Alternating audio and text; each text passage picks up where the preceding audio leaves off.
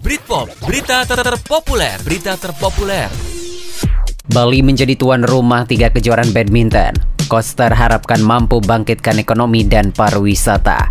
Bali pada bulan November hingga Desember mendatang akan menjadi venue penyelenggaraan ajang olahraga internasional bertajuk Indonesia Festival Badminton.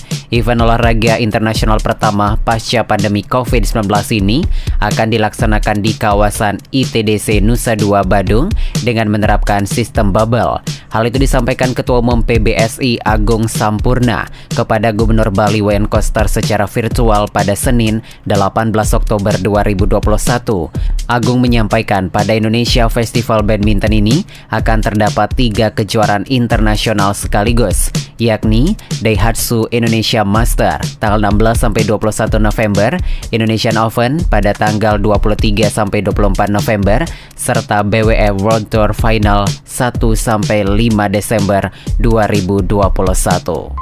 Britpop, berita ter terpopuler, berita terpopuler.